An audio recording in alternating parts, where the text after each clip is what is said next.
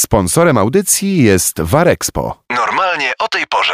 W naszym studiu Natalia Hatarska, analityczka trendów, założycielka Instytutu Badań nad Przyszłością. Dzień dobry. Dzień dobry. I Marcin Ochmański, prezes Warexpo. Dzień dobry. Dzień dobry. I dzisiaj na tapecie Smart City. Miasta inteligentne, miasta przyszłości, tak też się o nich mówi.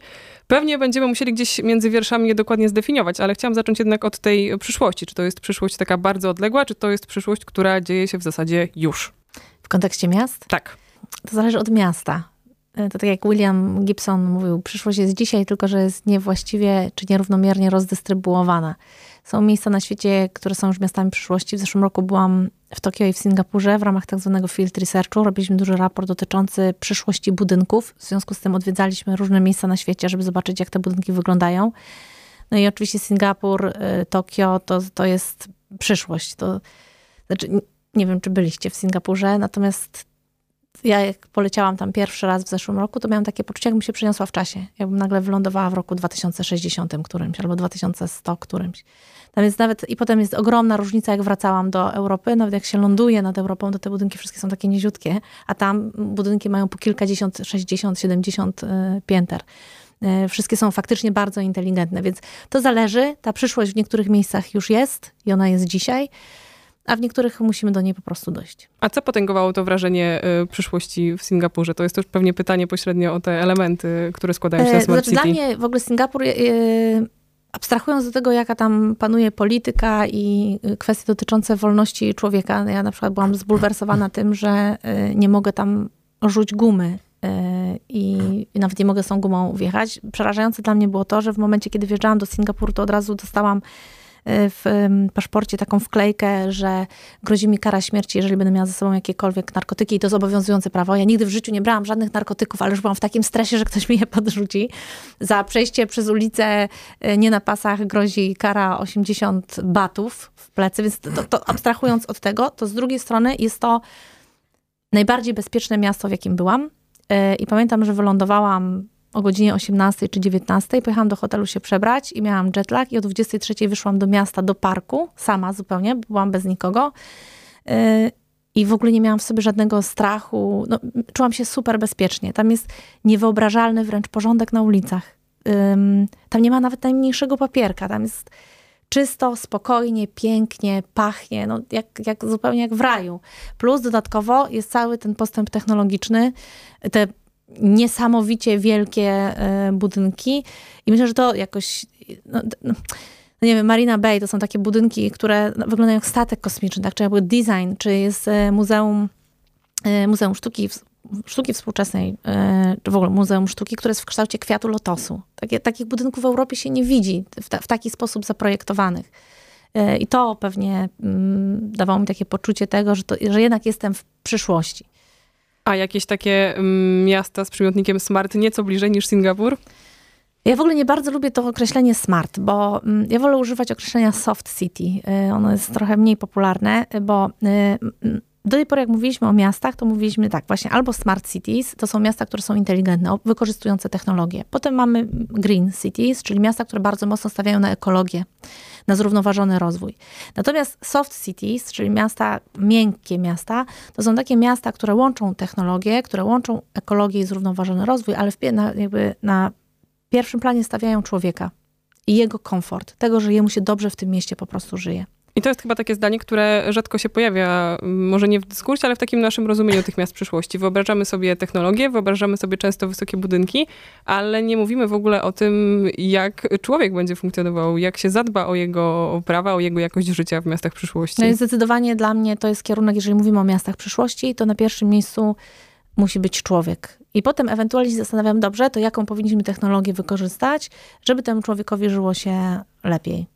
No, no, więc właśnie, jeżeli, jeżeli byśmy definiowali przyszłość miast pod kątem jakości życia, a do tego doszliśmy jakby od, od momentu jakby yy, efektu wow w postaci technologii i wysokich budynków, to teraz jednak schodzimy na poziom człowieka w naszej, w naszej rozmowie, to pewnie jeżeli przyjrzymy sobie yy, te yy, różne yy, rankingi z, z jakością życia, to jeszcze te europejskie miasta sobie całkiem nieźle radzą, nie? Jakby pewnie Tokio będzie wysoko, ale równocześnie Curych, który pewnie jest zaprzeczeniem w ogóle tego, co w Singapurze widziałaś, yy, czy w Tokio widziałaś, jest w dalszym ciągu jakby, w, myślę, że w top 5 Podejrzewam, że w dziesiątce to na pewno. Berlin tak samo.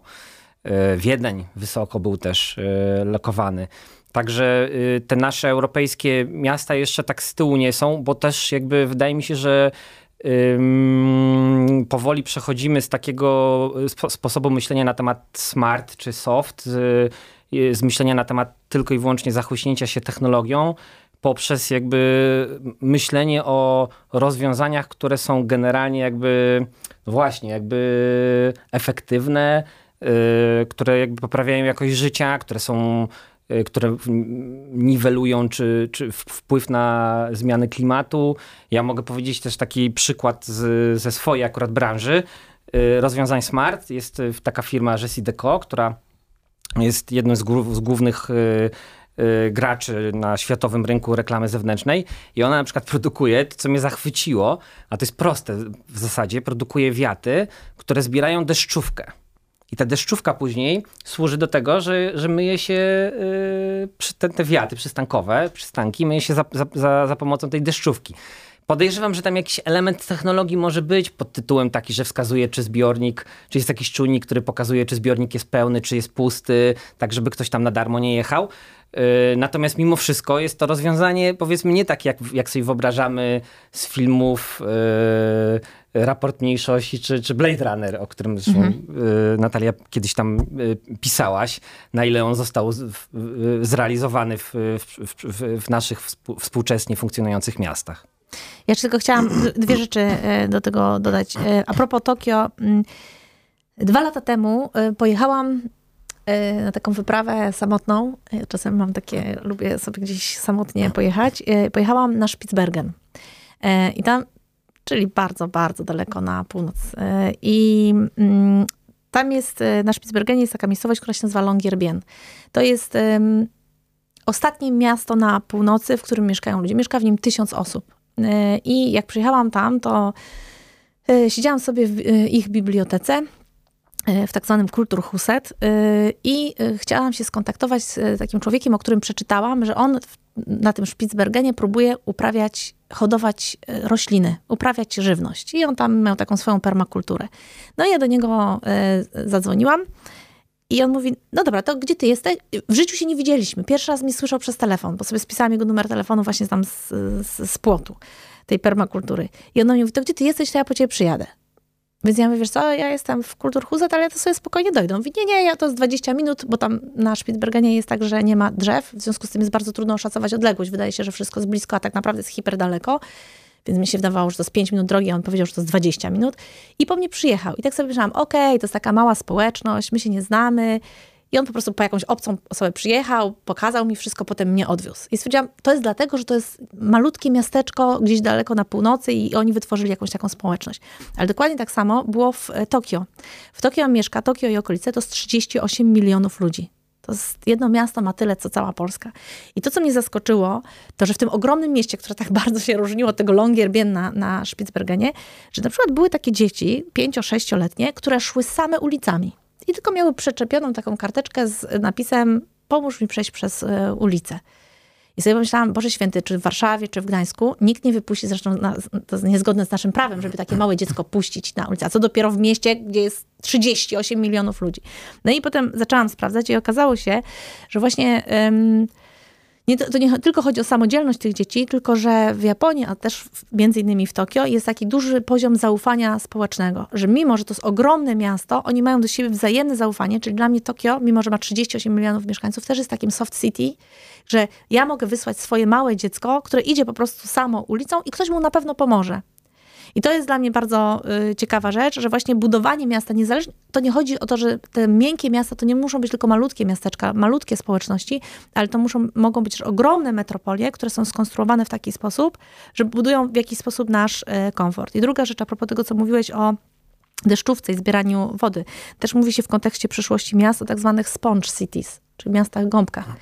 Czyli to jest związane a propos z, z naszą zmianą e, klimatu, zrównoważonym rozwojem. Chodzi o zarządzanie infrastrukturą błękitną w miastach, czyli na przykład odzyskiwaniem e, wody, więc to też pewnie jest jeden z, e, ze sposobów, żeby to robić. I o to też chciałam zapytać, czy w ogóle w miastach przyszłości, które jednak wciąż chyba są takim obciążone takim wyobrażeniem o galopujących technologiach, jest miejsce na klasyczną jakąś taką dyskusję, nie wiem, o obecności terenów zielonych, o ich wielkości. Chyba coraz większa jest teraz rozmowa hmm. na ten temat. To znaczy, jak już rozmawiamy ta rozmowa już nie tylko na temat Soft City, bo rzeczywiście teraz jakby chyba coraz bardziej popularny jest i bardziej adekwatny yy, ten termin.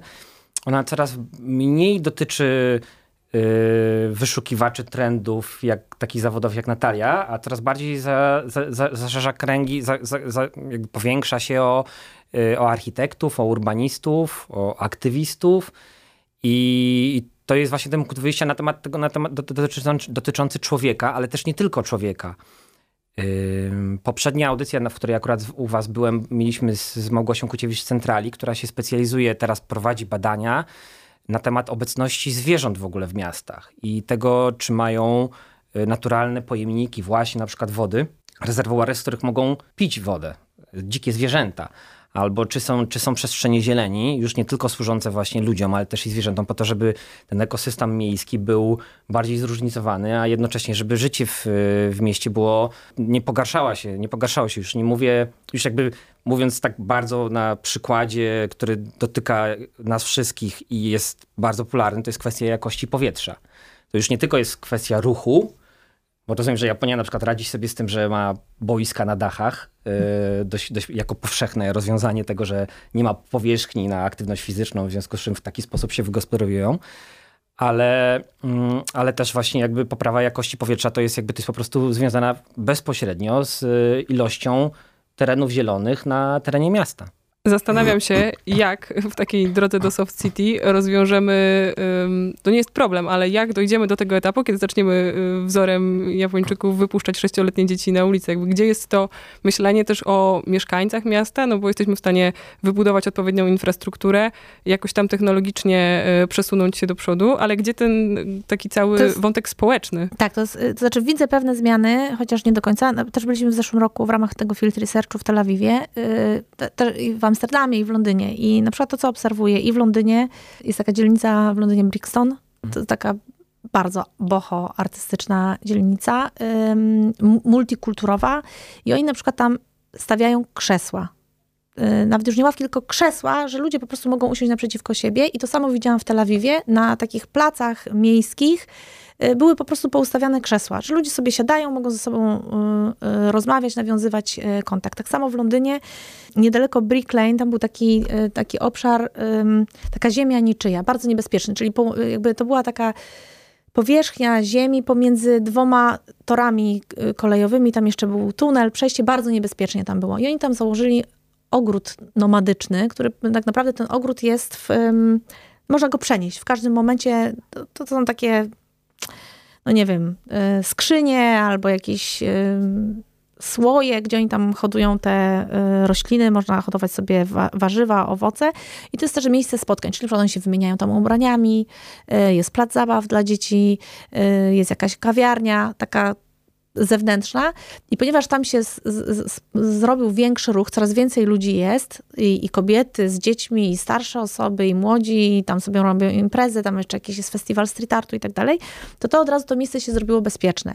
E, I teraz to sobie jakiś czas temu, pamiętam, była sytuacja we Wrocławiu z kolei, to, że zlikwidowano publiczne ławki w parkach, bo na przykład zalegali tam bezdomni.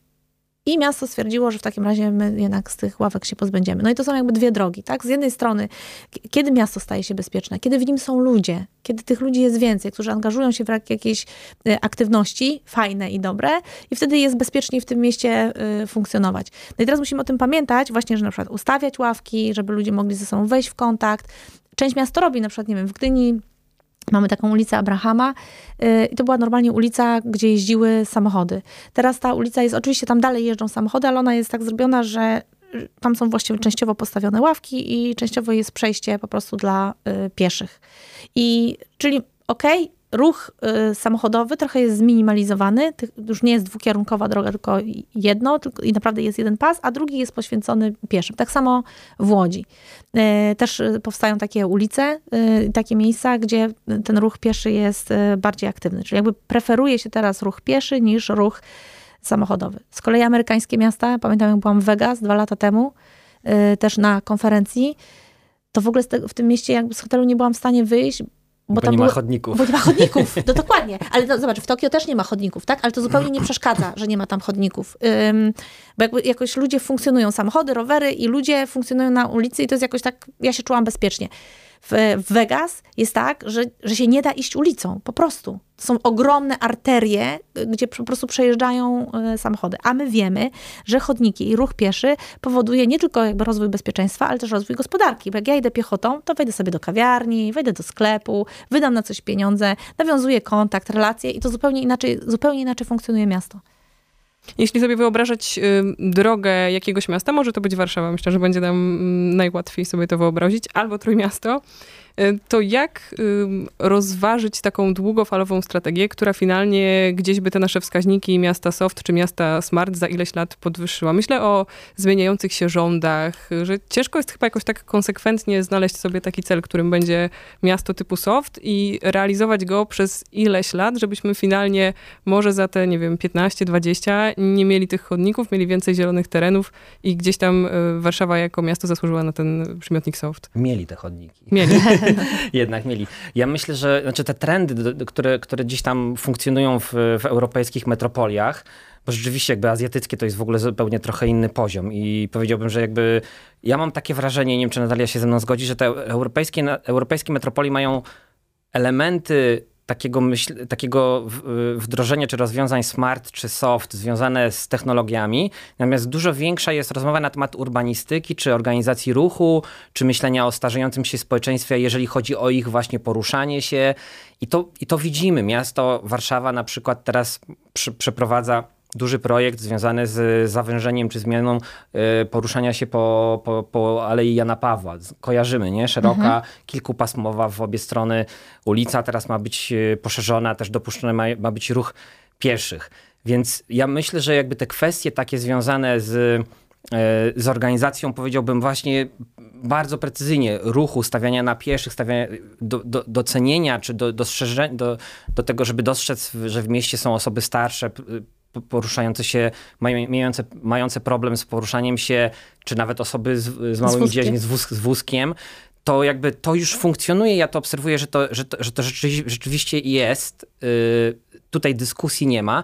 Pewnie to co, to, co będzie dochodziła, to będzie rozmowa na temat technologii, jeżeli chodzi o budynki, które generują bardzo dużo mhm. pobór mocy, dużo ciepła emitują też w miastach i tu jest pewnie też rozmowa na temat tego, w jaki sposób to zmniejszać, jakie fasady, jakie parametry, czy wysokie, czy nie, gdzie czy dogęszczać, jakim kosztem zieleni dogęszczać miasto.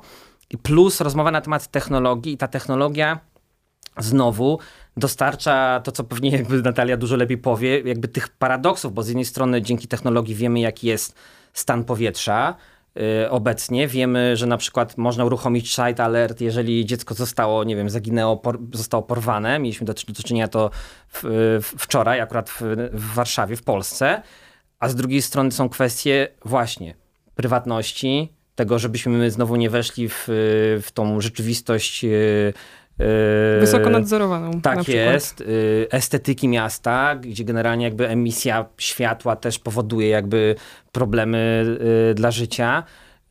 No i to są takie, takie dylematy, które dziś trzeba będzie ta technolo- przy, przy, tej technologii rozstrzygać. I to jest tutaj widzę, ja, ja bym tutaj widział wyzwanie, żeby pogodzić jakość życia z rozwojem technologicznym miast. Ja to, a propos tego, o czym mówicie, tej wysoko nadzorowanej rzeczywistości jest też taka kwestia, o której się dzisiaj mało mówi, a wolałabym, żeby mówiło się o niej częściej, tak zwanych invisible cities. Jak byłam na Biennale pod koniec zeszłego roku w e, Wenecji, był... E, widziałam zdjęcia takiego artysty, który robił zdjęcia ludziom mieszkającym w, w slumsach w Kalkucie. E, bardzo poruszające zdjęcia. To były po prostu twarze, które były oświetlone wyłącznie jakby światłem lampy błyskowej. Ci ludzie żyją w całkowitej ciemności, w ogóle bez dostępu do światła, nie mają energii, nie mają wody. I ona zwraca uwagę na to, że ci, którzy najbardziej potrzebują pomocy, są najbardziej niewidoczni. I potem, jakby to mnie bardzo poruszyło, ale okej. Okay. I potem e, byliśmy całym zespołem w Berlinie, w e, takim Muzeum Futurium. E, polecam, jak będziecie mieli okazję. Muzeum Przyszłości po prostu. E, I tam właśnie też była poruszona kwestia invisible cities, czyli niewidzialnych miast.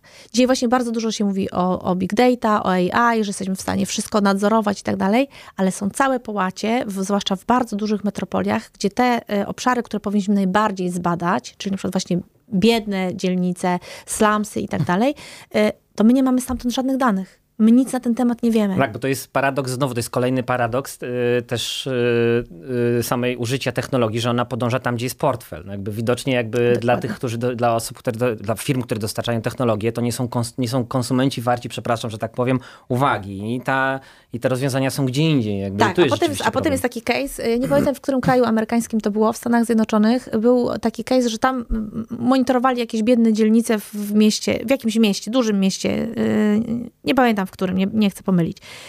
I y, analizowali na przykład też przestępczość. I okazało się, żeby zapobiec tej przestępczości, stwierdzili, że będą wysyłali tam więcej policji e, do tych dzielnic, żeby jakby tym ludziom pomóc. Natomiast ci ludzie, ponieważ nie mieli informacji, skąd to się bierze, byli przekonani, że oni wysyłają więcej policji, bo chcą ich monitorować, tak? Chcą im coś złego zrobić i zaczynały się zamieszki. Tak więc widać, że ta technologia nie do końca, nie do końca y, działa tak, jak y, powinna. Jej użycie czasami no, pozostawia wiele do życzenia.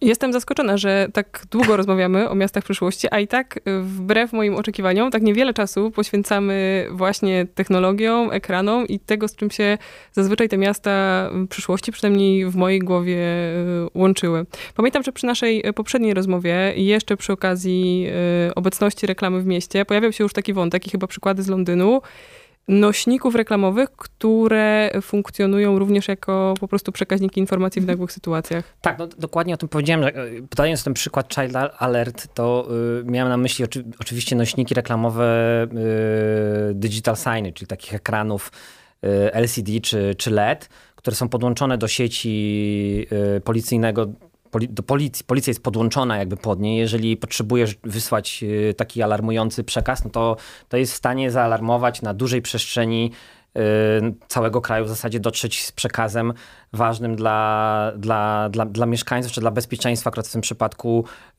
y, dziecka. I to, I to jest tak, że jakby te, te, te nośniki rzeczywiście funkcjonują, powsta powstają w Londynie. Jest to system, y, który można sobie podejrzeć, to jest InLink UK albo InLink NYC. To jest rozwiązanie akurat, które powstało w Londynie, w, w Nowym Jorku. Y, tam zastąpiono po prostu budki telefoniczne y, takimi nośnikami, takimi kioskami, takimi nośnikami reklamowymi. Może oni to nazywają kioski, dlatego że to jest nośnik reklamowy, który y, oprócz samego ekranu i samego, samego, samej reklamy udostępnia ludziom Wi-Fi, udostępnia możliwość ładowania. Tam akurat też udostępnia możliwość zadzwonienia. Jeżeli ktoś by rzeczywiście chciał wykonać telefon, to może wykonać ten telefon z tego, z tego urządzenia. E, więc jakby to stają się trochę te urządzenia multifunkcyjne, też dostarczając pewnych rozwiązań e, dla mieszkańców, e, akurat które, których, których potrzebują. I to też jest tak, że jakby to jest kolejny taki element, o którym właśnie też mówiłem, jakby, który potrzebuje rozmowy na temat skali, czy tego, w jaki sposób go używać, bo wiemy o tym, że jakby to, co ja powiedziałem, to są wszystko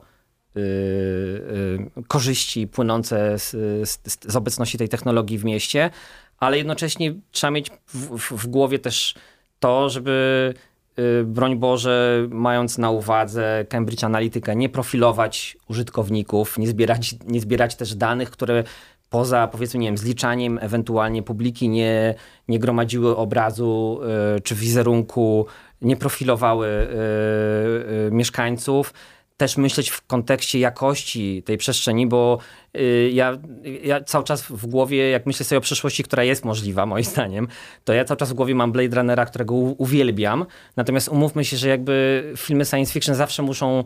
Znaczy, trudno byłoby zbudować film science fiction w pięknym mieście szwedzkim, niskim, z, ziel z zielenią. Jakby tam dramatyzmu nie ma. Musi być hmm. dramatyzm właśnie w jakimś zapuszczonej norze, gdzie generalnie jakby y, wychodzi y, hologram wielkości budynku i, i komunikuje się z użytkownikiem. Natomiast to jest po prostu, to jest straszne. Znaczy dla mnie, jak ja, jak ja oglądam Blade Runnera, uwielbiając ten film, to jednak to jest, to jest miejsce, w którym się trudno by mieszkało. Nawet ci bohaterowie tam nie, nie lubią tam, nie, nie za bardzo czują się Chociaż dobrze tak naprawdę mieszkając. takim miastem przyszłości dotyczącym komunikacji, to dla mnie jest raport mniejszości wciąż. Hmm To jest mm, moment, kiedy on wchodzi i skanuje mu gałkę oka i potem mówi, a panie X, kupował pan jeansy trzy tygodnie temu, Tak może powinien pan je zmienić. No to jest, to jest Daleko posunięta to są do- personalizacja. To są dokładnie jakby te dylematy, o których powinniśmy pamiętać też jako, jako biznes, jako mieszkańcy i, i, i uważać na to, żeby ta technologia też nie poszła za daleko, bo to od tego, od czego zaczęła Natalia, czyli jakby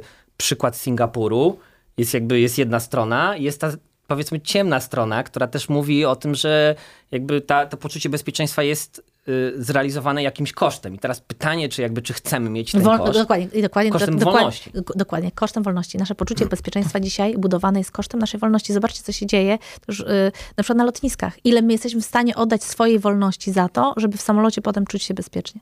I otwiera się tutaj miliard wątków. Ja niestety z przykrością muszę je zamknąć, bo czas naszej rozmowy dobiega końca. Natalia Hatalska, Marcin Ochmański, bardzo dziękuję. Dzięki wielkie. Dziękuję. Normalnie o tej porze. Sponsorem audycji jest Warexpo.